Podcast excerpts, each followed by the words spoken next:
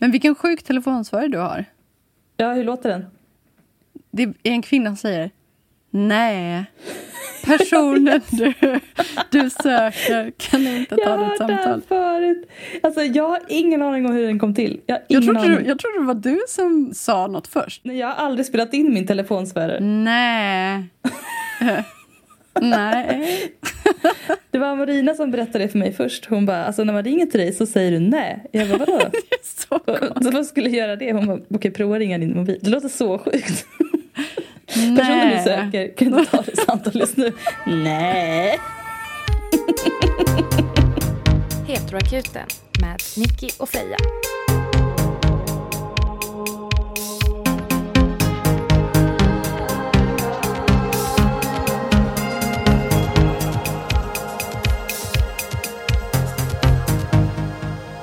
Hej och välkomna till det 21 avsnittet av Heteroakuten. Och Heteroakuten är podden som besvarar dina heterosexuella relationsfrågor ur ett lesbiskt perspektiv. Snyggt Nicky. Du sammanfattade perfekt. Ja, det är det vi är. Tack för senast. Det var ju trevligt. Ja, alltså jag hade hoppats på um, att uh, jag skulle få dricka lite mjöd idag också. Men ja, det är ju ett jävla gott mjöd. Ja, gud hade man bubblat upp det lite så hade mm. det smakat bubbel. Jag tänkte faktiskt att jag skulle lägga lite lite socker i vissa av flaskorna och då kommer det skapas bubblor. Så blir det mousserande. Ja. ja, kul att du uppskattade det. Men eh, tyvärr ja. så är jag på, mm, på landet nu va? för att det är så soligt här i Göteborg. Och det är ett problem för då måste man vattna. Mm, det är ett problem för podden i alla fall. Ja, det är det. Hur, hur går det för växtligheten? Det växer bra. Morötter, palsternacka, svartrot, Eh, tomater, potatis, squash, bönor, ärtor, you name it, rödbetor. Ja, det låter lite som här. Mm. Eh, vi har ju massa frukt också. Fysalis har vi... Ja, oh. går, det går bra för den. Härligt. Mm, så himla gött. Och vi skördar spenat som aldrig förr. Min har inte ens kommit upp. Eh, men man kan fortfarande sätta. Jag tror att vi ska sätta typ idag, för jag tror jag måste sätta om den. Ja, Ja, men det får men det ger mig hopp att höra. Det är ju inte lätt det här med att ha hus. Min katt Siv, som vi har pratat om tidigare i podden, har ju traumatiserat mig lite grann nu. Efter med ormarna? Kom, efter att hon kom... Efter, efter att jag vaknade av att hon låg och lekte med en orm i sängen. Nej, usch. Du vet när man är så trött så att man liksom inte ens knappt reagerar. Mm. Jag bara kände nej, gick upp och tog ett papper, släppte ut den och sen så låg jag och bara vågade inte riktigt sova. Och sen dess har jag fått någon slags PTSD light och får panik och hjärtklappning av de här ormarna. Och vi måste liksom gå och kolla under sängen och under soffan och allt sånt för att den, det inte ska ligga någon där. Mm. Och igår så låg den under sängen innan Nej. jag skulle sova. Jo. Så det är liksom inte en Nej. engångsföreteelse? Usch. Det, det, är monster under sängen. Och den var mm. så lång och den var så sprattlig så att till och med Felicia fick panik. Du kan ju liksom få smeknamnet Medusa till exempel. Hon med ormar som hår. Du kan börja spara på dem och göra en peruk. Men vet du vilket djur jag önskar mig? En, en get. En get hade varit så nice. Den hade gått och ätit upp allt gräs så att jag inte behövde gå med lien. Alltså jag går runt här i en slokatt och slår med lie. Jag önskar att jag hade haft en lie. Jag höll på med en grästrimmer. Gick jag omkring med. Mm. Och kände att jag hade velat ha en lie. Men det, alltså, inte. det ska jag säga till min tjej. För hon tycker att vi ska köpa en grästrimmer istället för en lie. Då har vi avklarat eh, trädgården. Det var ju bra. Ja, perfekt. Vi har två nya patrons och de förtjänar skämt. Och en av de här personerna har tålmodigt fått vänta på våra mm. två senaste kalla avsnitt. Mm. Så att vi har ju hunnit eh, bygga upp en arsenal med skämt på det namnet. Den dag som det trillar in tusen patrons då kommer vi kanske få ändra lite vad vi ger. ja, men, men än så länge än så länge, passa på en... nu att bli Patreon medan vi fortfarande inte har så många. För nu har vi Nej. tid och möjlighet att skriva skämt till er alla. Kanske till och med många skämt. Jag tycker vi tar dem nu. Okej, vi tar dem nu. Ja. Lika bra. Jag ringer upp alldeles strax. Yes. På havets vågor vågor också skummet i det. Släpper jag in mitt djur här så länge. Solveig. Ska du komma och vara med på inspelning? Nu har jag skämten. Jag är redo att skämta. Det här är det göteborgskaste vi har. Eh, ja. Men eh, som sagt, vi har hunnit skriva fyra skämt. Om jag räknar rätt. Mm. Till det här namnet. Och namnet är Martina. ja, och då vill jag berätta en liten eh, kuriosa. Och det var att jag hade, hette det i mellannamn. Till Skatteverket råkade ta bort det. Och sen vägrade de ta tillbaka det. Oj, Så att jag har hetat Nicke Martina. hur kände du för att de tog bort det då? Eh, det var inte så kul. Men det kostar pengar att ta tillbaka det eller? Ja, då kör vi.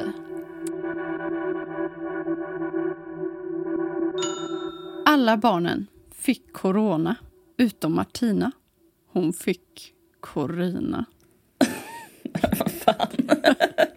Ja, jag hade också en variant där var alla barnen fick covid utom Martina för hon fick covida. Den Nej. var ännu sämre. Så att eh, det fick bli, det, det fick bli den första. Okej, nu är det din tur. Bräck den då. Bräck den. Alla barnen var kränkta vita män. Utom Martina, för hon stod och flina. Fattar ni? De andra var kränkta. Hon skrattade åt dem. Ja, ja. Ja. Alla läbbor kom på Frejas bröllop, utom Amorina. För hon var gömd av Martina. Mm. Och Amorina är ju alltså din tjej. Ja, Så att, eh, snyggt det är där. Du fick in Ja. Jag vet, lite jag- igen, privacy. från början så hade jag eh, något som var lite mer brutalt.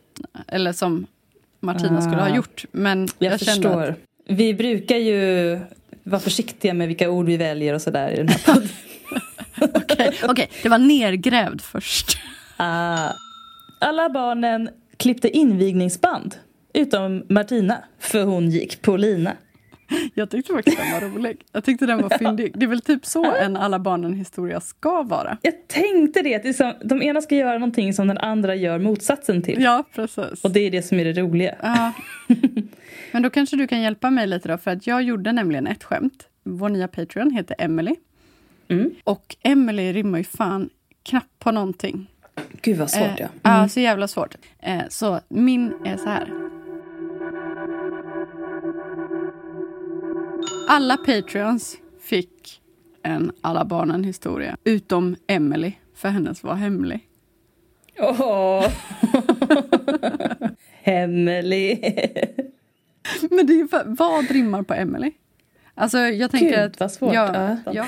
Men jag tycker ditt var ganska bra. Tack! Nu ska vi se om jag får ihop ett här. Jag har någonting litet eh, löst stoff i huvudet. Vänta. Vad skönt. Ibland har man det. Hon får peta Ja. ut det genom. Jag skra skrapar ner det här i handen.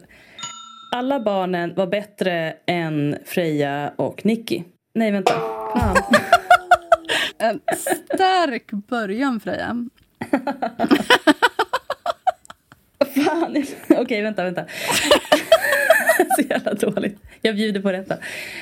Alla barnen var bättre än Freja än Nicky. Förutom Emily, för hon var sämre än ni. Alltså. Det är så dåligt. Kanske sämre än vi kanske. Åh, gud. Ja, sämre än vi. Ja, ja, men jag hoppas du är nöjd med det. Jag är väldigt nöjd. Jag känner att jag behöver inte komma på något mer. Det var Epidemi epidemi. funkar Nej, ju nästan. L ska det vara. Epideli. Epilepsi. Nej. Det kan bli riktigt då. Jag kommer... Kli rimmar ju. Kli. Kli. Ja, ja. Det, vänta, nu blir det bra. Jättekli. Alla barnen var rena i rumpan förutom Emily för hon hade stjärtekli. Yes! Yes! Där satt den. Fan, där satt den. Det kändes Ja, inte så bara men det var kanske rim. Du vet vad rimmigt är. Det är ju att slicka dig i stjärten. Ah, rimming. Ah, oh, dubbelskämt. Alla ni som fortfarande okej. lyssnar, tack. Jag funderar på om vi skulle starta med eh, att utveckla eh, vitlöksfetischen. Ja, ja, tack och lov. Jag kan spela upp det här för dig och så klipper jag in själva inspelningen. Jag har nämligen spelat in för eh, vår kompis Nettan. Hon har valt att gå ut, komma ut med den Med här. sitt namn. Mm. Och med den Får vi säga hennes namn? böjelsen, ja. Man hör också att det är hon på inspelningen. Jo, man känner henne. Det Det, är liksom- går inte att dölja hennes dialekt. Nej, det går inte. Men hon talar i alla fall om det här. Jag sa snälla, jag måste få spela in det här. Och hon är otroligt Mm. nyfiken på om det finns någon annan där ute som känner som hon. Jag har aldrig hört talas om det. Ja, men att det, jag tycker verkligen att det är jätte, jätte... Eh, alltså det, är något, det är någon special känslomässig doft. Alltså inte bara som att det luktar gott som en god parfym utan det bara så här, sätter igång någon grej i hjärnan verkligen. Att, att det kommer liksom ut ur näsan också. Och, och all lök.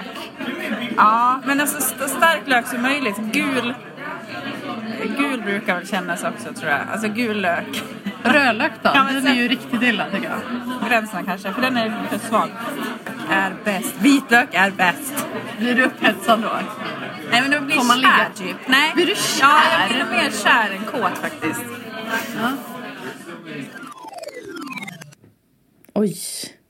Och hon utvecklade det här med att det bästa är när det liksom känns som att det kommer liksom inifrån magen. Alltså magsäcken. Åh. Och liksom upp. Det är så här, och så sa hon alla gånger är lök bättre än typ tandkräm. Och jag sa, jag kan uppskatta en Oj. ren mun. Men jag är också nyfiken på då vad hon tycker är dålig andedräkt. För det är ju ändå skillnad på lökandedräkt och typ allmänt dålig andedräkt. Ja, absolut. Reagerar hon liksom positivt på dålig andedräkt också? Eller känner hon att det är helt olika saker? Det borde hon ju känna då kanske. Alltså, fast i och för sig, en sån här morgonandedräkt, när, ja, Det, är Ja. ju, det är ju något annat. Det behöver ju inte lukta något speciellt. Det är ju bara äckligt. Luktar död. Åh gud, det är så jag tycker det luktar hemskt. bajs. Ja. Ja, men eh, okej, intressant. Mm. Jag har aldrig hört talas om någon som känner så. Nej. Men det kanske finns någon som lyssnar som eh, tycker att ja, men det där är självklart. Jag efterlyste ju igår på vår eh, Instagram om det var andra Mm. personer som hade något speciellt som de liksom gick igång på. Eh, men då var det en som skrev apelsin. Just det, det såg jag. Och det var intressant för vi fick, både, vi fick starka känslor nämligen kring det här med apelsin. Mm. Från två olika håll. Och jag tänkte jag ska läsa upp, för jag bad den här lyssnaren att utveckla det. Och då skrev den så här. Gud, jag vet inte. Det bara känns så jävla fräscht och lite stickigt. Lite sött, men inte för mycket. Har en tur börjar den även tänka på den där scenen i Babes Roll Out med apelsinen och sen börjar den tänka på hela den filmen och då är det kört. Och eh, det gladde ju mig eftersom att jag har gjort musiken och ljudet till filmen Babes Roll Out. Verkligen. Ehm, Så du kanske har bidragit till känslan som den personen hade för apelsin? Ja, jag kan spela upp lite av den här. Jag har också ett speciellt ljud. När det är ett finger som tränger in i en... Det är en clementin egentligen. Och jag har gjort ett ljud det. till det. Så jag kan spela upp det här. Spela? Ja, det måste du göra.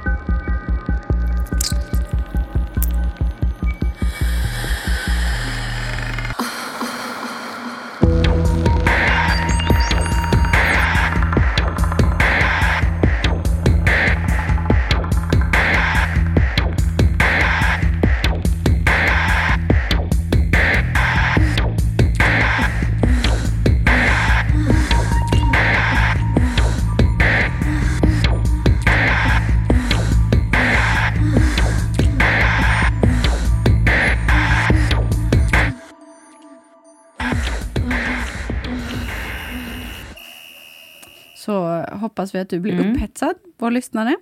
Ehm, Och fler kanske med det. jag jag gillar ju verkligen fruktporr. Alltså det pratade vi inte sist, men jag kan verkligen... Jag minns när jag var på en feministisk filmfestival och kollade på ja, men att, att liksom folk som trängde in med fingrar i olika frukter. Alltså jag blev så himla himla tänd. För det äggar liksom fantasin på något sätt. Jag blir så nervös när du säger tränga in. Jag önskar att jag fick se du måste också berätta om den historien när du var tonåring ja, och chattade med någon. det roliga var att jag tänkte på det här senast häromdagen. För att jag råkade säga något likt. Du måste, förlåt, sidospår, men snälla berätta Okej. den historien. För jag tänker på den ofta och tycker det är så Okej. himla roligt. Okej. Nej, när jag var liten, Mm. och nu menar jag verkligen liten, jag var 11. Du var liksom tween. Ja. Ja. Jag satt på olika chattrum. Jag hade absolut inte kom, kommit till någonting som skulle kunna liksom jämföras med pubertet. Utan, ja. Du var ett kåt, en kåt Ja, tween en kan man kåt säga. 11-åring som satt och Mm. sex eh, chattade, eller försökte i alla fall, eh, på typ Lunarstorm med min bästa kompis pojkvän. Yes, den är skön. Oj, Ja, snyggt. Och eh, ja, till historien hör ju också att eh, hon var också 11 och han var Mm. typ 16, 17, inte helt rimligt. Eh, jag hade aldrig träffat honom. Nej. Eh, Men ni sitter sådär som man gör och sex- sexchattar? Ja, han var sådär, men vad vill du att jag ska göra med dig? Och, alltså, jag försökte ju se det här framför mig. För mig var det ungefär som att liksom läsa en IKEA-instruktion. Det är liksom, herregud, Ja. vad är upp, Ja, vad är ner, vänta A först, B sen, eller B, kommer B först? Ja, det var inte lätt. Eh, Mm. Men jag tänkte att okej, nu ska jag våga här nu. Så att jag skrev till honom, eh, och sen tränger jag in i dig. Och han bara, nej, det är ju, det är, det är ju jag som tränger in i dig. Jag bara, eh, jaha? alltså, jag hade ju absolut kunnat tränga in i honom, men eh, det var Ja, inte... absolut. Men det var inte det han förväntade sig att du skulle skriva. Det är jätteroligt. Han satt där och bara, åh, vad, nu är jag kåt, vad är det som händer bara- nu? Vad kommer hon skriva? Vad kommer? Jag öppnar upp ditt anus. Ja, nej. Huset, Ja, och så huset det här med. Vad vill du att jag ska göra med dig? Eh, och sen tränger jag in i dig. Det är ju jag som tränger in i dig. Jaha!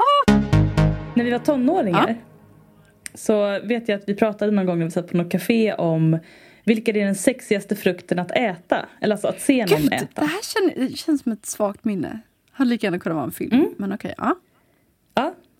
Och då var det alla var sådär, ja men melon för det är typ saftigt fast bara, ja nej men det är så kladdigt och klibbigt typ. Man, det går inte att äta det snyggt. Eh, någon sa apelsin för det är snyggt. Ja, du och jag tyckte apelsin för när man skalar apelsin så kan man se om någons händer är snygga. ja, såklart. Och det där frasiga Mm. ljudet är också någonting Ja. som... Alltså, ju, Om det inte är en torr apelsin så att det fastnar och bara blir kladdigt. clementinljud när man ja. skalar det, det är någonting jag gillar mycket. Mm. Det är ett härligt ljud.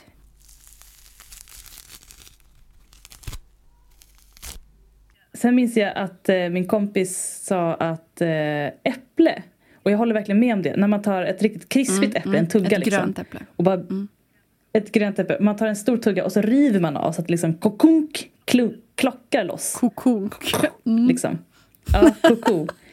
eh, det ljudet och sen kan man så här, Det är lite som att äta kyckling från en klubba. Ja, det är ju sexigt. Ja, det kan vara lite sexigt. Kyckling. Ja, nej. det- kanske är lite olika känslor då, äpple, kyckling. Men i alla fall, samma Mm. roa känsla.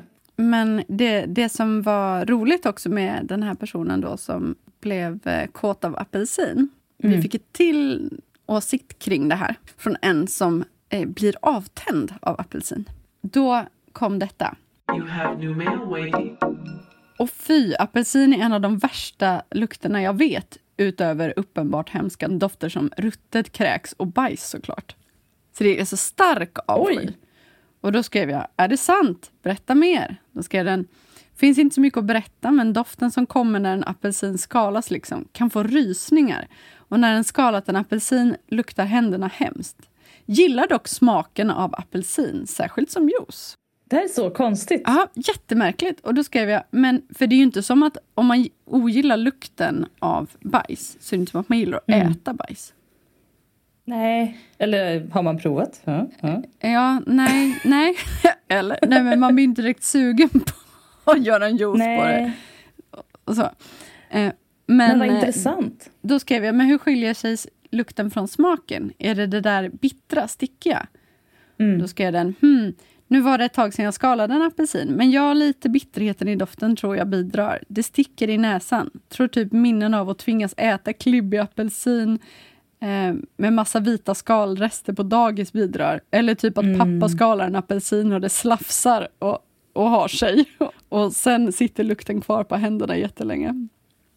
Ja, det måste ju vara kopplat till ett traumatiskt matminne då. Mm.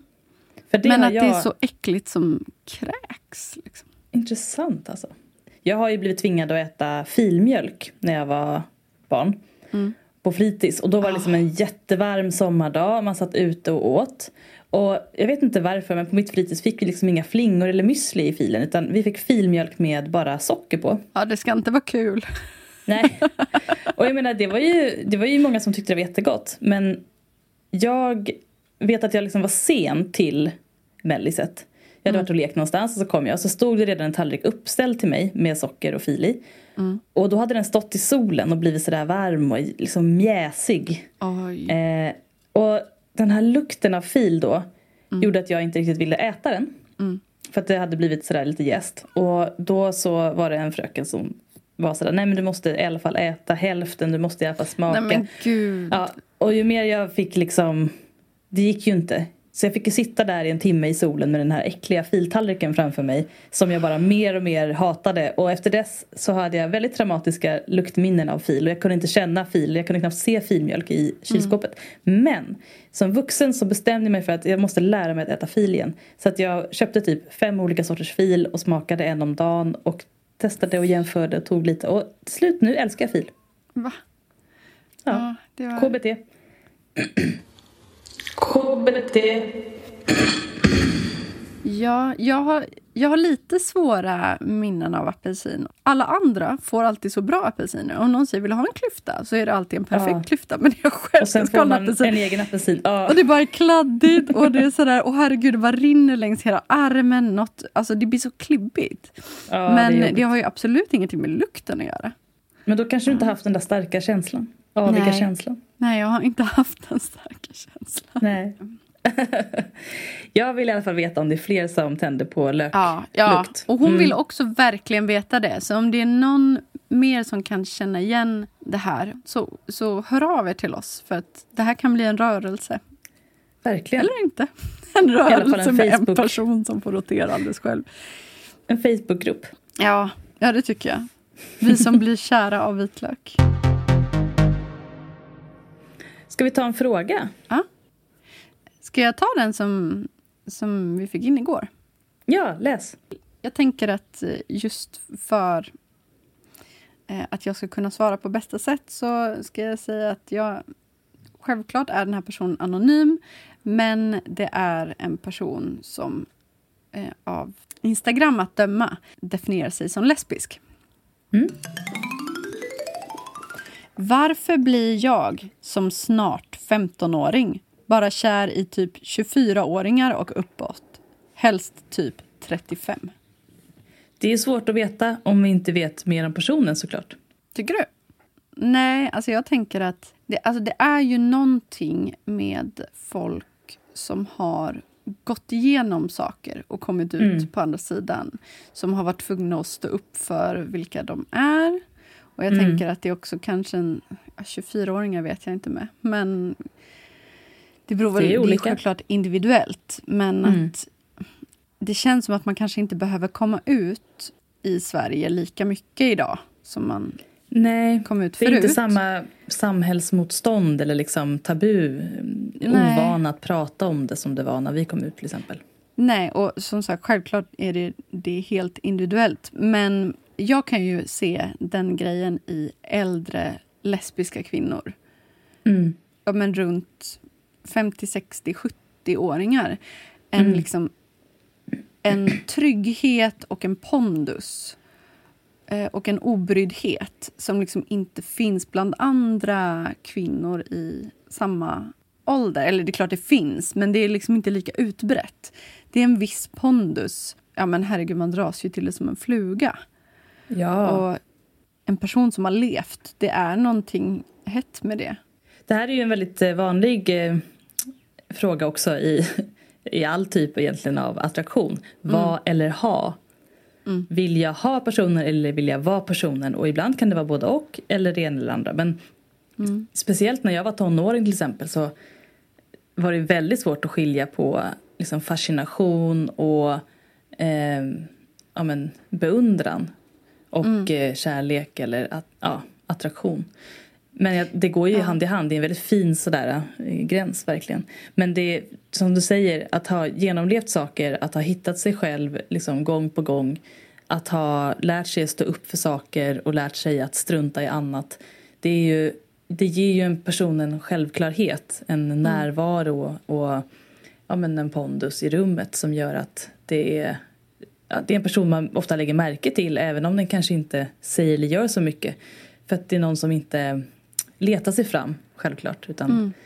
ja, nu vet inte jag, det här kanske är osäkra personer. Som, jag har ingen aning. Men ofta är det ju så med i alla fall folk som är äldre än... Ja, men man har en viss approach. Alltså, det är ju bara att se Mm. på Eva Dahlgren och Eva Attling till exempel. Gud, jag var så kär. Ja, men Ja. deras utstrålning som par, alltså okej, förlåt Evorna, osar ju sex. Gud, ja. Alltså, ja men det gör det. Och jag tänker att så här, alltså jag säger inte att du, lyssnaren, inte är kär. För det vet ju bara du. Men jag menar att man kan ju beundra någon och så kan man ju känna den här explosiva attraktionen till någon Mm. som bara har en sån jäkla pondus.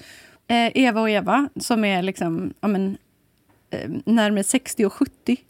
Tänk ett annat par som är 60 och 70. Generellt, ett par i 60-70-årsåldern tänker man ju inte osar av sexuell trygghet och pondus.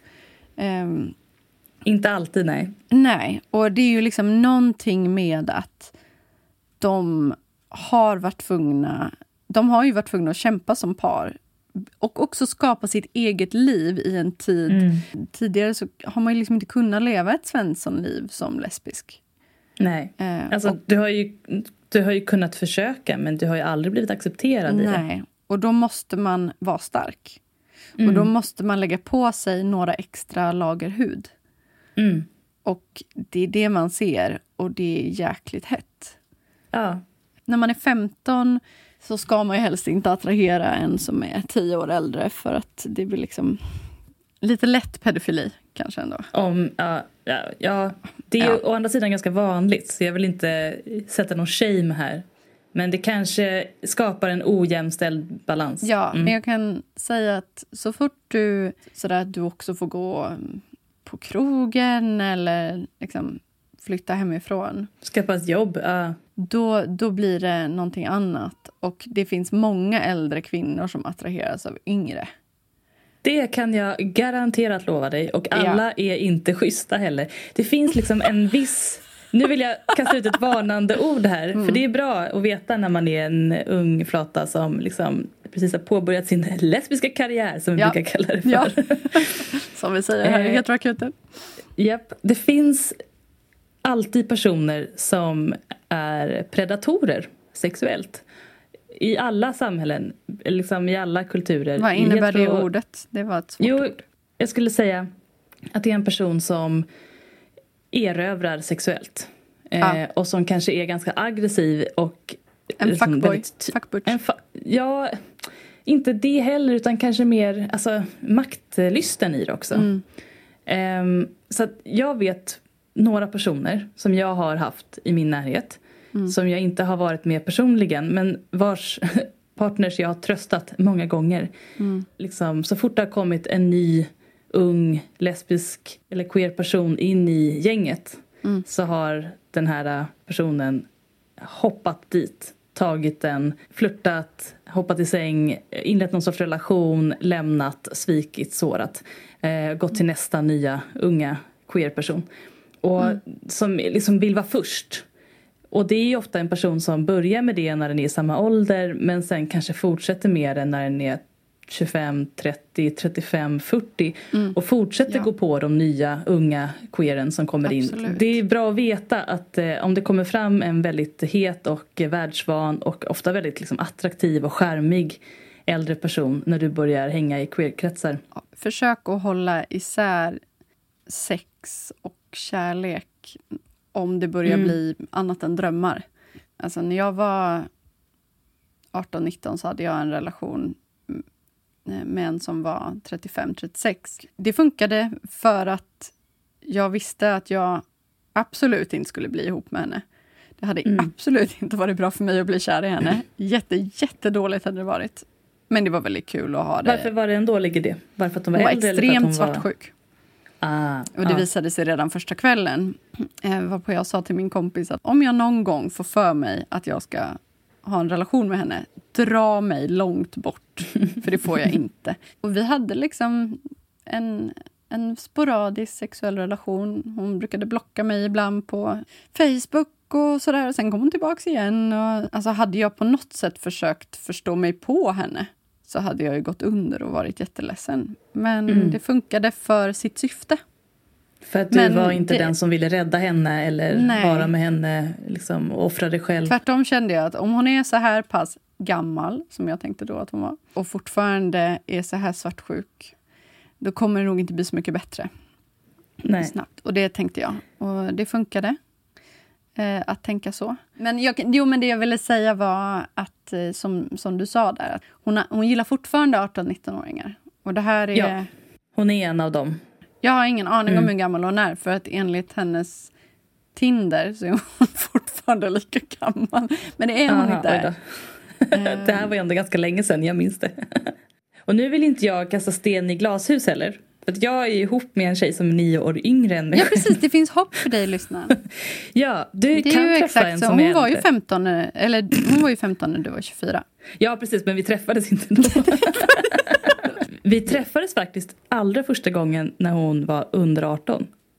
Och jag hade glömt det. Men kommer du ihåg när vi spelade på Sockerbruket? På den här jättekonstiga kvällen när vi vann ett pris att spela in. Och det var en konstig person, det var en man som ville att vi skulle sitta i hans knä. Och som kallas för Tjejbandet hela tiden. Ja, ja. ja men det här minns jag Ja. jätteväl. Men jag trodde ni var kompisar då. Nej, då hade inte vi lärt känna varandra. Nej. Men då kom Amarina dit med en kompis och tittade. Och sen så satt de med oss i liksom backstage och drack öl. Och Vadå? då Nej, men hon jag... var 18 då. Hon var 18. Nej, för, för jag, jag minns att Alice sa, de som kommer nu är under 18 så säg inte det. De får egentligen inte sitta här med oss. Ja, men hon skulle fylla 18. Jag minns inte ens Amarina då. Jag, jag minns bara att det var någon väldigt, väldigt ung tjej där som flörtade med vår kompis och att jag tyckte det var lite pinsamt. Var det hon då som flörtade med? Ja, det var ju Amarina som flörtade med Oj, nu sa jag ett namn. Ja, men det är ingen fara. Jag kan... Ja. Ja. Och på tal om... eh, Ja, eller vi har en vän som har varit tillsammans med en 15-åring. Eller en Ja. 14-åring till och med. Hon var 25. Och de hade väl en väldigt... Ja, de var tillsammans relation. flera år. Eller tillsammans, men de hade en relation i flera år. Alltså hade jag varit 15 hade jag gärna haft en relation med någon som var ja, men närmare 30. Ja. Men jag, som, som själv 30, så det skulle vara för bekräftelsen då. Att vara Mm. tillsammans med någon som var så ung. Det behovet är inget som jag har. Och det är jag glad att jag inte Men har det det. vet man inte förrän man träffar den rätta vet du. Och hon råkar Den, vara så den ung. rätta ungdomen. Mm, precis. Men gud, Du har bara inte sluta. träffat rätt ungdom, Monique. Fy. Nej, nej men eh, håll er över 18 allihopa. Det är Ja. tryggast så tror jag för alla. Ja. Eh, men om man blir kär, vad ska man göra? Så säger pedofiler också. Ja, jag antar det. Jag uppmuntrar inte till pedofili. pedofili. Det är skönt, Men- vi, har, vi har verkligen blivit en sån podd som bara men vi uppmuntrar inte tidelag. Ja, gud, vi har verkligen... Alla homosexuella är pedofiler och det är samma sak som tidelag. Nu kan ni bara liksom... Ja. Nu är det bekräftat. Anmäl Mm. podden, tack. Nej, men vi, nej, ni behöver inte anmäla oss för vi har sagt att vi inte uppmuntrar pedofili och det gör vi inte. Nej, det gör vi verkligen inte. Alltså jag, jag kan ju säga att eh, när jag och min tjej träffades första gången och lärde känna varandra så tyckte jag fortfarande att hon var för ung för att dejta medan vi var vänner. För då. ung för ett fuck. Ja, jag tyckte det. Och vi, var ju, vi tyckte ju om varandra jättemycket men jag kände jag vill att du ska jag vill lära känna dig först och jag vill gärna låta tiden gå. Det var ju väldigt jämställt eh, i hur vi såg på varandra. Men det visste ju inte jag då. Jag, det kunde ju lika gärna varit att hon såg upp till mig för att jag var äldre och alltså jag vet inte, jag hade kunnat utnyttja en sån position och det ville inte jag. Nej men man har ju väldigt mycket mer makt när man är äldre på många sätt. Man ges också makt. Det är någonting som gör att man har ett ansvar också. Mm. Ja, men så är det ju verkligen. Du har ju inget ansvar att inte försöka ragga på någon som är dubbelt så gammal som, som du. Men som äldre har man ett ansvar att inte utnyttja sin position. Ja. Men det är väl också det som är attraktivt, att det är någon som har ett ansvar och att man kanske blir utvald. Alltså, Ja, jo, absolut. Jag hade ju någonting som var lite av en flört med en lärare när jag gick i gymnasiet. Det är mycket möjligt att det bara var liksom någon slags liten gemenskap. Men Mm. min klass retade mig för att vi hade en, en flört. Alltså just med den personen känns som att hade hon på riktigt raggat på mig, då hade jag nog blivit rädd. Ja, det är kul i fantasin men det är någonting, inte någonting Men man att vill. just hålla det på en så här att stanna kvar efter lektionen. Och jag bara, åh, har du läst den här lesbiska litteraturen? Och, ja, men att just det där är ju också någonting som man inte ska underskatta. Det är ju jätteroligt. Ja, Det är som en fantasi. Det betyder inte att man skulle må bra av att gå hela vägen i den fantasin. nej. Det är ju också, man gillar gärna att testa gränser och se liksom. Men ja, det här vet ju inte vi någonting om. Nej. Personen i fråga får hitta sin väg som skrev till oss. Men det här var intressant att prata om tycker jag. Mm, tycker jag också. Just för att jag också kan relatera till det otroligt mycket. Jag har ju alltid dragits till äldre, men nu är jag ju äldre själv. Och då har det... Jag dras fortfarande till äldre, jag dras inte till yngre i den bemärkelsen. Alltså, Nej. som, som andra kan göra, men däremot så är det väl att jag kan dras mer till jämnåriga nu än vad jag kunde tidigare. Men på tal om att vara äldre och sexig för att man är självklar i sin position. Pratar du om dig? Ja, precis. Har du, har du pratat med mig nu? Har du sett mig? Nej. Birgitta Stenberg. Ja. Ja, för er som inte vet vem Birgitta Stenberg är, eller var skulle jag säga. Hon dog för inte så många år sedan. Men googla henne, läs hennes böcker om ni vill ha snusk. Queert snusk. Läs hennes böcker. Jag gillar inte här hur hon skriver, men kolla på dokumentären om henne. Jättefin dokumentär. Hon levde ju ett jävligt struligt liv i Europas alla hörn under sin ungdom. Och vuxna ålder också Ja. och hade romanser med män och väldigt många kvinnor.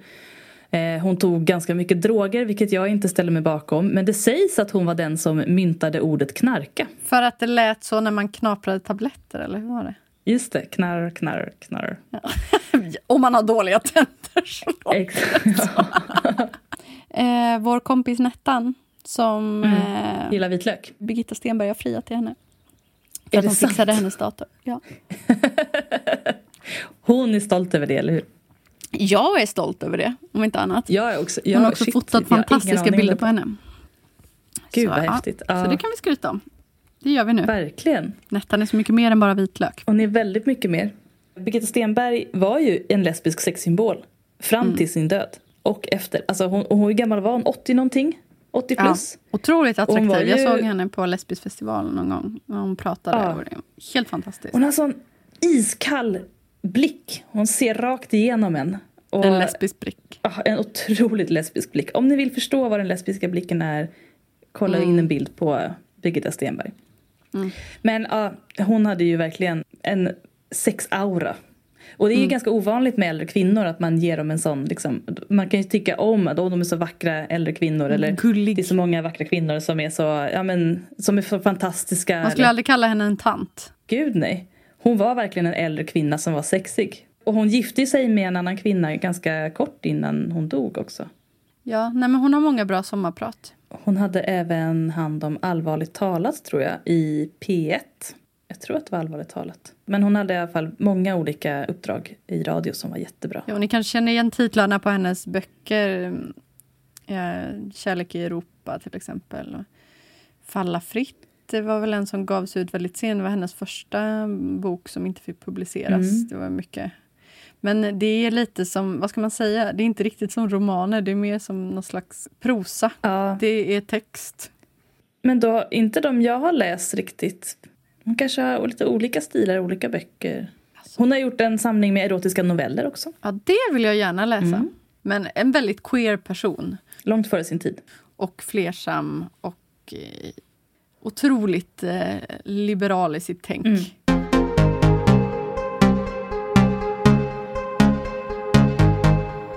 Och då kommer ett önskeämne med den nya vignetten.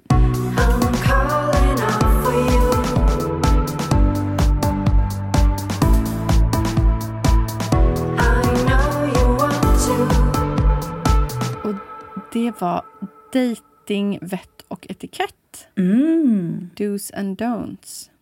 Åh, intressant. Jag tror att jag bryter mot jättemånga vett och etikettregler i dejting. Jag tror att jag går på alldeles för hårt. Jag är nog fel. Men jag, jag skulle, jag, vi skulle kunna representera liksom varsin sida här du och jag. Mm.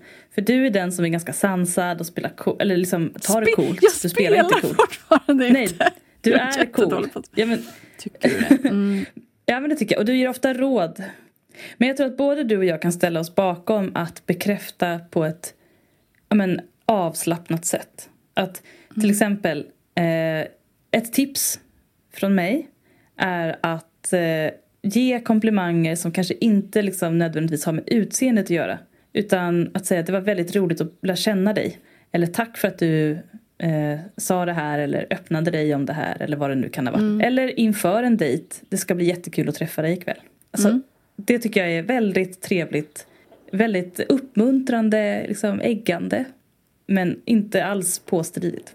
Ofta så är det ju så himla mycket lättare att ge folk komplimanger eller vad man nu ska säga, eller bekräftelse när man inte är lika intresserad. Så fort man blir intresserad då är det som att man antingen får sätta något slags lås på sig själv. I alla fall så är det med mig, för att inte bara ösa ur sig allting. Liksom, antingen så öser man ur eller så säger man ingenting. Om jag ska sammanfatta då till ett vett och etikett. Att eh, som du säger, det kan vara svårt att veta vart balansen går i vad man ska, hur man ska komplimera någon. Eh, tänk kanske hur vill du själv bli komplimerad? Alltså vad är du bekväm med att få höra? Och det kan du absolut säga till den andra. Eh, En sak som jag har tänkt på ganska mycket. En, alltså en dejt kan ju vara så otroligt olika beroende på vad du får för känsla för personen. Och jag tror att det är väldigt viktigt att komma ihåg att den personen du träffar inte nödvändigtvis behöver ha samma känsla som du. Därför är det väldigt viktigt att vara ödmjuk. Till exempel, en person som man träffar en gång kan man bli blixtförälskad i och sen få panik om personen inte hör av sig. En person kan man träffa, verkligen känna att det här var ingen kemi överhuvudtaget. Det, här, det var trevligt att ses, men vi kommer inte att höras igen. Och så bara går man åt varsitt håll och hör inte av sig. Och de här personerna kan vara de som har varit på en dejt tillsammans. Den ena kan känna på ena sättet och andra på ett annat sätt. Det är väldigt lätt att tänka att den person man har varit på dejt med har samma tanke som en själv. Mm, verkligen, att man upplevde samma situationer på samma sätt och sådär. Ja, och jag tror att det är jätteviktigt att inte gå in för hårt i sin egen känsla oavsett. Även om man tänker att den här personen kommer jag inte träffa igen. Att vara ödmjuk för att den andra personen kanske blev svinintresserad av dig. Och att om du känner att gud, det här var något riktigt, riktigt speciellt. Det är inte säkert att den personen kände på samma sätt. Så Men hur ska man hantera det då? Bara inte anta något kanske? ja, men gå lite försiktigt fram. Kolla av lite. För jag tror att om till exempel en person inte hör av sig så som du hade förväntat dig att den skulle göra. Att inte ställa till med dramatik. Mm. Eller bli spydig för att man känner sig lämnad eller så. Mm. Alltså jag menar vissa personer är som att... Ja, men det känns jättemycket om man börjar liksom känna redan efter en minut att gud kan inte svara snart. Och vissa är sådär att okej, det spelar inte så stor roll, jag kan svara i övermorgon. Det beror helt Mm. på vad du har fått för känsla men det är inte säkert att den har samma känsla eller så har den inte det än. Det har heller inte med känsla att göra alltid. Det Nej. kan vara att en person bara inte svarar snabbt. Ja, men dra inte för höga växlar. Nej. Tänk inte nu är jag dissad eller... Utan var nyfiken, fortsätt vara nyfiken. Ja, se, t- se det som att ingenting, alltså det här är bara början. Se det så. Vi behöver inte bestämma än vad det här är. Men jag har en vän som också gav ett väldigt bra råd en gång. När jag var väldigt förälskad i någon och eh, jag var väldigt osäker på vad hon ville. Och jag ville skriva sms efter sms och jag, ville, och jag liksom försökte låta bli och jag vet inte vad jag skulle göra. Och, och hon har inte svarat. Och, och jag ville, allt jag gjorde ville jag liksom berätta för henne och det är jätte weird om man inte har träffats mer än en gång. om man inte har den kulturen från början kanske. Men i alla fall, och då hörde jag mig till en kompis istället och det var nog klokt av mig. Och då sa hon, jag förstår precis din känsla men alltså vad du än gör, don't make things weird. Weird kan också vara dåligt, eh, obehagligt, eh, konstigt. Ja, alltså gör ingenting som kommer Ojämnt. från ingenstans. Ja, Det blir lätt lite ojämnt i vissa perioder av en relation eller dejtande ändå. Det, alltid. Mm. Men om man liksom redan från början är liksom väldigt, väldigt på och väldigt, väldigt intresserad då är det svårare för den andra personen att komma ikapp. Och känna efter kanske själv också. Och skriv aldrig någonting i ett känslorus. Nej. Varken ett negativt eller ett positivt känslorus. Så då brukar jag tänka så här. Om jag verkligen, verkligen, verkligen vill skriva det här, då kan jag lika gärna skriva det imorgon. Så då Mm. väntar jag tills imorgon. Om jag vill skriva det här lika mycket, då så gör jag det. Det här gäller alla typer av konflikter och plötsliga infall. Till och med jobbmail och om man känner Ja. är det här, om man ställer sig själv frågan är det här bra? Då är det antagligen Mm. någonting som är lite skavigt. Och jag har en vän som har ett annat bra eh, råd just där, en formulering runt det. Varje beslut måste kunna överleva minst två känslostämningar. Mycket bra. Mm. Så du har någon känsla, du vill skicka det här, du vill skriva det här eller säga det här. Vänta. Efter ett tag kommer du känna något annat kommer upp i något annat. Vill du fortfarande precis vänta en gång till. Ja, Då kan du skicka det. Men jag tror att den här personen som skrev frågan var lite nyfiken på faktiska dejten också. Så jag tänker vi kan hoppa rätt in det. Jag har nämligen en tanke. Nicky, tycker du att det är, en bra eller dålig sak att någon betalar för dig om ni går på dejt? Det här är ju otroligt intressant. Mm. Jag eh, kan tycka att det är mer okej nu, faktiskt. Mm. Om någon vill betala för någonting så kan jag se det som en fin gest nu Mm. när jag är nästan 32 jordsnurr. Eh, med den här personen som jag pratade om innan när jag var 19 och hon var ja, någonstans där mellan 35 och 40 kanske. Så blev det, eller det skapade en klyfta. Det blir ännu en maktuttryck ja. uttryck liksom. Jag kan vara chill med att jag själv Men det är för att du är tryggare i din ekonomi också. Nej, tvärtom. Eller på ett sätt. Men lite som att, okej, jag har verkligen inte mycket pengar nu. Om Mm. den här personen har ett fast jobb, känner att nu när vi är på den här första dejten vill betala för mig, så kan jag ändå känna att det kan vara lite skönt. Det spelar ingen, jag vet att det går upp och ner, min ekonomi. Eh, en annan dag så är min ekonomi bättre. Men då kan jag se det bara som någonting snällt och fint. Och det är ju exakt vad det är meningen att det ska vara. Men vanligtvis så splittar jag bara. Jag skulle- jag är så ja. tråkig. Jag skulle ge ett, alltså jag tänker om man vill ha safe. För man vet aldrig Ja. hur den andra känner, man vet aldrig riktigt vad det liksom betyder för den. Så Mm. på första dejten, splitta alltid. Man kan göra så här eh, när man ska köpa någonting. Ja, men eh, jag kan betala första rundan. Då känns det lite mer generöst. Men på något sätt, på ett sätt som känns bekvämt för dig, splitta första dejten. Men Mm. andra dejten, om du känner att du vill vara generös, passa på. Bjud Mm. på någonting. Om någon annan är generös, ta emot det. Jag tycker det är, ganska störigt när man försöker bjuda någon på någonting och den verkligen står emot Ja, nej, men det får man inte göra. Det får man inte göra. Det blir otrevligt. Och jag vet att de är såhär, nej men du ska inte behöva. Och det kan ju vara också att jag går över en gräns, att en känner liksom sig överkörd av att jag försöker bjuda. Men all, det kanske handlar om en öl. Det är inte hela världen. Jag alltså, tar bara emot den. Det är liksom, jag, men helt ärligt, jag, jag råkar ofta köpa liksom fel matvaror för samma summa. Och det är inte hela världen. Jag tycker till exempel väldigt mycket om att ge folk presenter. Alltså inte på första dejten. Just saying. Eh, Men Gå på dejt med Nicky. att jag är också väldigt bra på att ge present ska jag säga. Så det blir inga pinsamma situationer. Alltså om jag vill ge någonting och så säger personen nej, det ska du inte ge. Alltså då är det ju liksom som att någon dödar ens gåva. Liksom.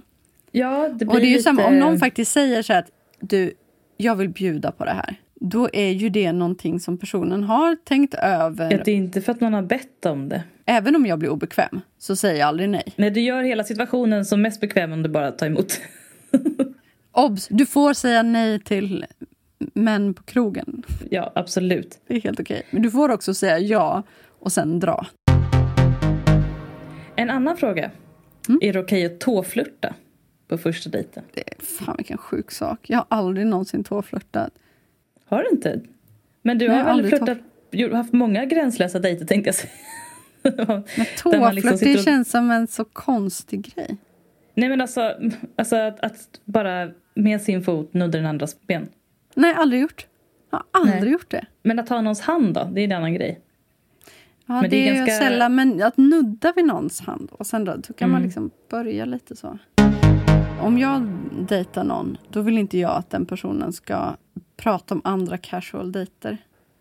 Nej, Då känner jag mig inte sedd.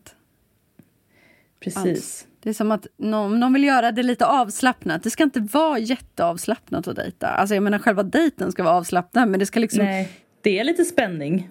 Ja, det handlar inte om att man inte får dejta. Man behöver inte säga allting. Precis som att jag inte behöver säga typ, ja men min bajskonsistens var så här nu när jag var på toa. Det betyder inte att jag ljuger om hur det var när jag var på toaletten. Men jag måste inte berätta allt. För det gör ingen kåtare. Nej, Man vill i alla fall känna att man är liksom center of attention just då. just, ja, just då. Och att man jag är har ju speciell. varit på Ja, jag var på första dejt där en eh, tjej sa att, eh, att hon började i princip samtalet. Hon bara, har du varit otrogen en gång? Jag bara, eh, eh, va? Hon bara, jag frågar för eh, jag har varit otrogen mot alla mina tjejer. Bara, Alltså det känns ju liksom Ursäkta. som något så här tvångs, tvångsmässigt nästan. Hon hade också tjatat sig till den här dejten. Alltså verkligen tjatat. Hon hade let, hon, så här, det här är en ganska sjuk historia. Jag gick i Pride-paraden, jag dragade. Det kan dra till sig människor. Hon såg mig, jag visste inte vem hon var. Hon frågade alla hon kände om, hon, om de kände igen vem det var som hade dragat i Pride-paraden. För den personen ville hon vara otrogen med. Ja, precis. så, och hon hittade till slut en bekant till mig som visste vem jag var och förstod att det var jag. Eh, som ger eh, numret till en av mina kompisar. Och då ringer hon till min kompis och säger hej jag vill komma i kontakt med Freja som dragade Fan, i Pri- Gud Pride-paraden. vad galet. Ja, kan jag få hennes nummer? Du min borde anat oråd redan där. Ja, gud ja. Och då så plötsligt får jag ett sms och bara hej hej jag såg dig i Pride-paraden, skulle du vilja gå på en dejt? För det första, jag var typ 16. Jag gick inte på dejt. Det fanns inte en datingkultur i Sverige då. Det gjorde det faktiskt inte. Det var var någonting helt nytt som vuxna höll på med. Men om man var intresserad av någon så tog man en kaffe. Man kallar det inte för en dejt. Det var väldigt laddat att säga dejt. Så att bara det att hon sa vill du gå på en dejt gjorde att jag fick lite så här oui, oui, oui varningssignaler. Det var bra, det du skulle få vanligare. det. Jag sa först nej. Och då sa hon okej, eh, varför inte? Okej, och sen så fortsatte hon. Idag då? Vill du gå på dejt idag då? Nästa dag? Okej, vill du gå? Jag bara, åh gud. Okej, Folk, vi går alltså tjejer var så gränslösa när man var under 20. Alltså jag vet också så, så många som bara, hallå svarar du inte? Du svarar inte. Vill du inte ses? Eller jag trodde du ville ses. Vi sa ju att vi skulle ses. Ah, ja, du skiter i mig. Jag skiter i dig också. Jag är inte ett dugg intresserad. Alltså man bara, men Jag tror gud. bara det är tonåren som talar. Det där är tonåren. Men och så är det det första hon säger när vi träffas. Jag har varit otrogen mot alla mina ex. Vad fan, hon har kämpat Hon så bara, mycket att få korten på bordet. Ärlighet vara längst. ja, kortast ibland. Ja. Nej, jag skulle säga eh, med det. Alltså, man vet inte. Vissa är jättechill med det. Jag hade Mm. nog varit rätt chill om de pratade om sitt ex eller om någon annan dejt eller sådär. Jag hade kanske känt sådär, varför berättar du det här? Är det för att du vill göra mig svartsjuk? Ja, Och ja, blev men precis. Sådär, ah, men eh, jag hade nog inte känt att det var direkt jobbigt. Men, Nej, men för många mig handlar det inte om det. jobbigt. Jag känner bara att, eller, eller som att jag bara tappar intresset. Jag tror att många gör det för att de vill verka lite kompisaktiga och typ vara lite avslappnade och visa att det här är inte det här är inte en dejt som är laddad och jag förväntar mig ingenting av dig. Vi kan bara umgås typ. Men jag bara, alltså var inte kompis på en dejt. Ja, så det är också ett tips. Var, gå inte in i en dejt med kompisinställning för du kommer gå därifrån med en person som du inte kommer bli kompis med antagligen och inte ligga med heller eller bli ihop med. Det som händer med mig är liksom inte att jag blir ledsen. Jag, jag, jag tappar mitt stånd. Mm, precis. Det händer. Mojo down. Tråkigt. Ew. Så blir det. Ehm, och, men jag tänker att det är lite som med allt. Att, att om du ska berätta om ditt jobb ehm, så behöver du inte gå in på de allra mest nördiga detaljerna på det. Precis Nej. så ska du heller inte, om, om man kommer in på att prata om ex, gå inte in på de gulligull-sakerna ni gjorde. Gå inte in liksom det dju- djupaste privata med, med ditt ex. Om du råkar kliva in i exträsket, kliv upp direkt bara. Avsluta det så fort du kan, så avslappnat du kan. Häng inte kvar där. Japp, du är lite smutsig på benet. Det går att ta bort än så länge. Men dyk Mm. Ja. inte ner i det träsket. Det kommer en tid att prata om tidigare relationer. Mm. Ja, för jag tycker att det är viktigt att kunna prata om sina ex. i en relation. Ja. Men det, då ska man kanske ha kommit till relationen först. Så att man litar Ja på varandra. man, ja, men var lite trygg i att den här personen träffar jag nu. Men på tal om att prata om saker. Mm. Så tänker jag utifrån två perspektiv här. En till do and don't. Eh, när du går på dejt med någon så vet du ju inte hur ni kommer vara att prata med varandra. Om det är så att du känner att du vill berätta tusen saker. Berätta hälften av det och koncentrera dig sen på att lyssna. Det är alltid Fråga. win att lyssna. Ställ frågor, lyssna. Men om du råkar träffa en person som bara pratar om sig själv och inte ställer några frågor alls. Ja, men det kan ju vara nervositet. Ja, Eller av andra eh, saker. Men en person som inte riktigt kommer ur sitt eget prat. Hoppa in och avbryt. Även om du inte är bekväm Mm. att avbryta. Ställ frågor. Säg inte bara ah, ja, ah, jag förstår, ah, okej, ah. Alltså håll inte med utan utmana istället. För då kommer personen komma ur sin egen loop och in i din Mm. Ja. loop. ja tack. Jag kan vara både den ena och den andra personen. Ja, gud, Och det kan med. alla tror jag. Jag har ofta en tendens att tänka att det jag, jag måste liksom... Det hänger på mig om det här blir trevligt eller inte. Och om då Mm. den andra personen är lite mer tillbakadragen så blir det liksom... Ja, då kan det bli loop. Och det är Mm. inte så roligt. Det händer inte Ja. jätteofta nu för tiden, men tidigare så har det nog varit mer regel än undantag. Skulle jag. Och då är det ju svårt för en andra att komma in också som sagt. Om Ja. man inte bestämmer sig för att avbryta. Och när det är en person man inte känner är det svårt att våga. Men våga! Ja. För det kan visa sig att det här inte alls var en person som var självupptagen utan bara var nervös. Var mer nyfiken på den andra än på dig själv. Är väl Ja. en, om det är en bra dejt. Ibland ju- så kan man ju bara behöva överleva en dejt och då är det skitsamma hur det är. För då lär ni ändå inte ses igen. Då kan du bara umma umma och sen gå hem.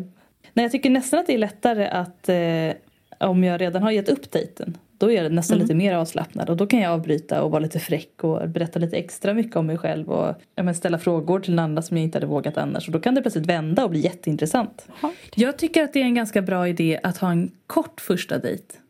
Mm. Att Ja, inte ha den här äh, kom hem till mig på middag, jag lagar mat som första. Utan, alltså det kan man ha, det är jättetrevligt. Men gå en promenad. Säg, jag har en timme över den här dagen. Vill du ta en promenad på stan? Eller något sånt där. Alltså så att det tar udden av det.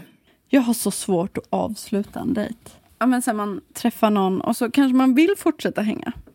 Men ska, man ska ju vilja fortsätta hänga. Men så att liksom hänga tills jag inte vill hänga längre. Och då är det för sent. För då kanske man Men har man då en sluttid så kan man, läng- då kan man känna efter Ja. sen när man skiljs åt.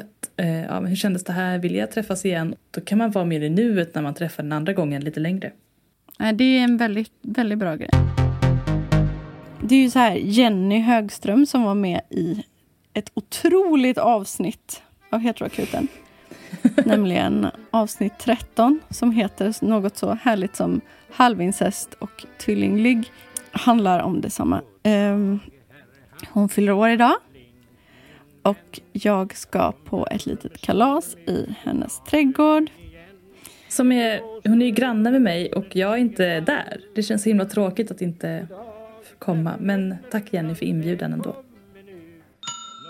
Och här kommer alltså en födelsedagsvisa som jag har skrivit till Jenny.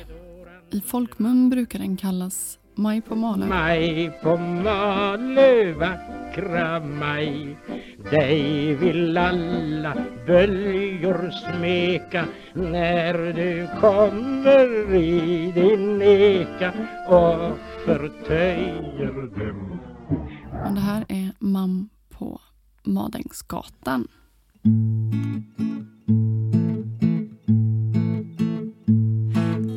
Dag, hallå Miss Högstrumpa, min vän. Jag kommer med storm ut till hissingen. Det blåser nordvästen ger hals. God dag, en fuckboy, ja välkommen ut. Dröj inte länge, sänd bild på din kuk. Men hör min bedårande vals. Mam på madäng, vackra mam. Dig vill hela kville smeka. Får de vara med och leka? Ner på knä. Oh madam Hopp in i ring Knockar med sting. Blåhögt ogift med snyggt läppstift. Alltjämt på vift. Hänger du samman med Satan Mamma sitta på Madängsgatan Vem dubbeljabbar sig nu? Hitåt? Ja, visst, mamma Sita kommer ensam och kåt En örfil och visst är hon stark Vem är mamma Sita? Hon slåss som en man Det är mamma på Madäng så fager och grann men hör min bedårande vals.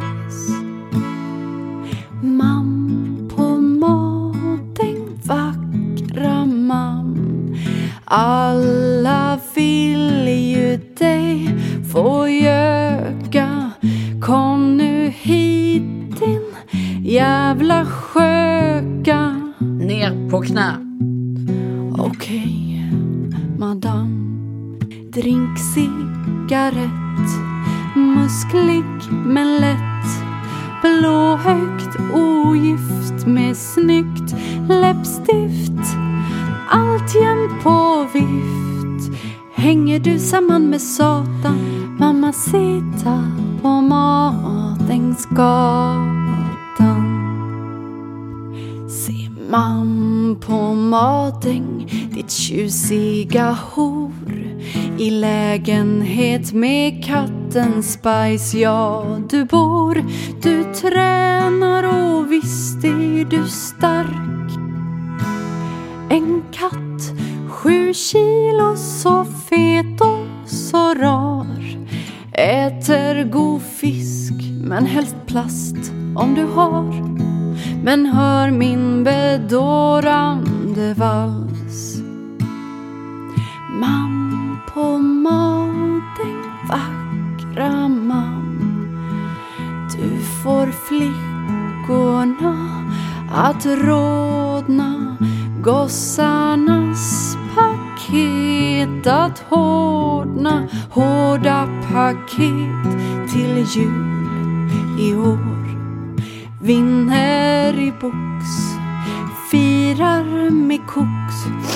Blåhögt ogift med snyggt läppstift. Alltjämt på vift. Hänger du samman med Satan? Mamma på Madängsgatan. Se här, en skön slampa. Nu är allting klart. Ty mamma Sita levererar med fart. Snygg rumpa där till underbart. Se här, min vän har du mängder med brev? Jag smygkollar visst. Bara bilder på skrev Men hör min bedårande vals. Man på maten vackra man. Du är mjuk men hård som synden du tillhör. De bästa fynd fynden på Tinder-dejt där jag dig fann. Ner på knä. Sextar igen med nybliven vän. Du är blåhögt, inte gift. Armani läppstift Alltjämt på vift. Hänger du samman med Satan? Mamma Sita på Madängsgatan Mamma Sita på Madängsgatan Fortsätt skicka in era, era fantastiska frågor och åsikter och tankar. Nu har vi inte med alla ämnen här, men vi är ju så bra på att prata. Jag fick höra av en att vi, vi besvarar inte frågor, vi dissekerar frågor. Det är sant. Vi plockar Eh, sönder Det var något positivt. Det var så här, men om jag hade svarat på dem så hade jag sagt en mening, men ni liksom kan prata hur länge som helst om det och säga saker som man aldrig skulle tänkt på. Vad skönt att Det är höra. bra ändå. ja. Tack för detta. Vi ses nästa gång. Tack för detta. Och, Och vi vill ha bli- fler frågor som sagt. Nu, kasta in dem. Och har ni inte ekonomisk kris, gå med i Patreon. För tillfället så får vi ungefär eh, 50, kron, eller 50 kronor att dela på per avsnitt. Tror jag, Jag vill också påminna om att ni får ett fantastiskt skämt. Jag hoppas att ni har riktigt svårrimmade namn så att vi kan hitta på riktigt dåliga skämt. Men Ja. det är alltså det lägsta priset. Sen kan man ju få väldigt mycket mer. Du kan ju få bonusavsnitt. Mm. Också om du tar den högsta varianten få ett personligt horoskop ställt av mig. Och då kan man välja att få det i skriven form eller i intalad form. Vad, vad tar vi för det? 150 kronor för ett personligt horoskop? Om man går till en spåtant får man betala 500 kronor. Plus att man stöttar sin favoritpodd. Och vill ni sponsra oss på andra sätt med något gött företag ni har som tillverkar någonting trevligt vi kan ha nytta av. Gångjärn, gem. Ehm, Vi blir sponsrade av allt. Mm. Tändstickor. Det är hett med tändstickor. Mm. Eh, så kan ni kontakta oss så hörs vi. Det gör vi. Tack för detta. Men puss och kram! Puss puss. Hej då! Hej då. Heteroakuten är Nicky Irla och Freja Holmberg. Maila dina relationsfrågor till heteroakuten. Musik och ljudmix av Nicky Irla.